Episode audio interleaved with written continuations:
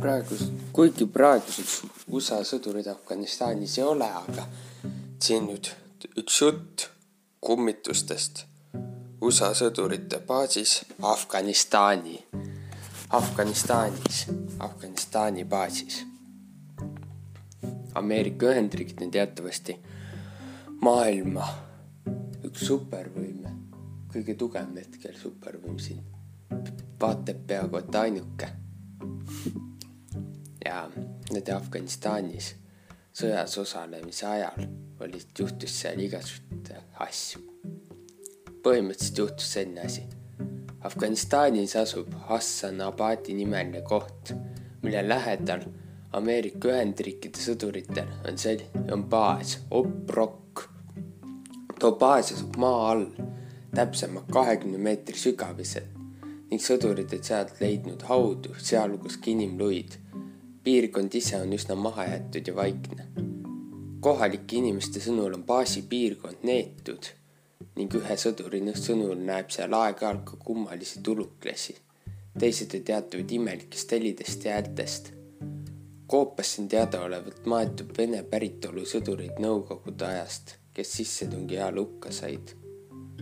kapral Jakob Lima sõnul ärkas ta ühel ööl kellegi karje peale, kui selgus, eks kisa, kuid selgus, et kisajaks on teine kapral. oli teine kapral, too väitis, et istus valvepostil, kui kuulis kedagi talle kõrva sosistamas. sosin olevat kõlanud venekeelne.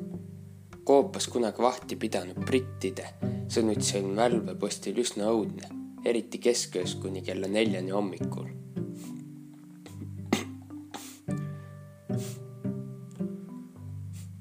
ja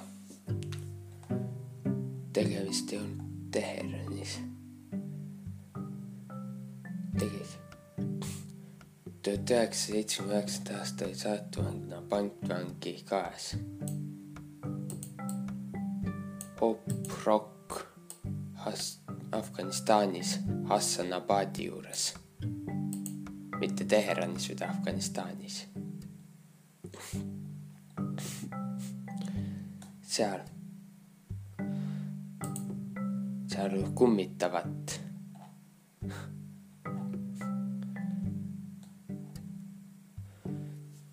jah, selle lugu ongi rohkem selle kohta midagi teada pole leidnud. aga tõenäoliselt see kummitavad mingisugused sõdurid kummitavad seal. jah, nüüd ma lõpetan.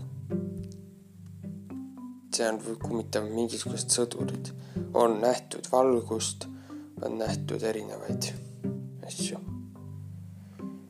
ka sõdureid, varjusõdureid. Ehm, kolistamist võib-olla on olnud mõnikord.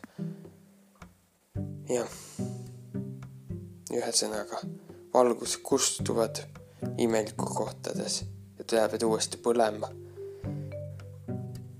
juhtub ka siis, kui kedagi sees ei ole, siis juhtub ka erinevaid asju. nüüd ma ütlen tšau.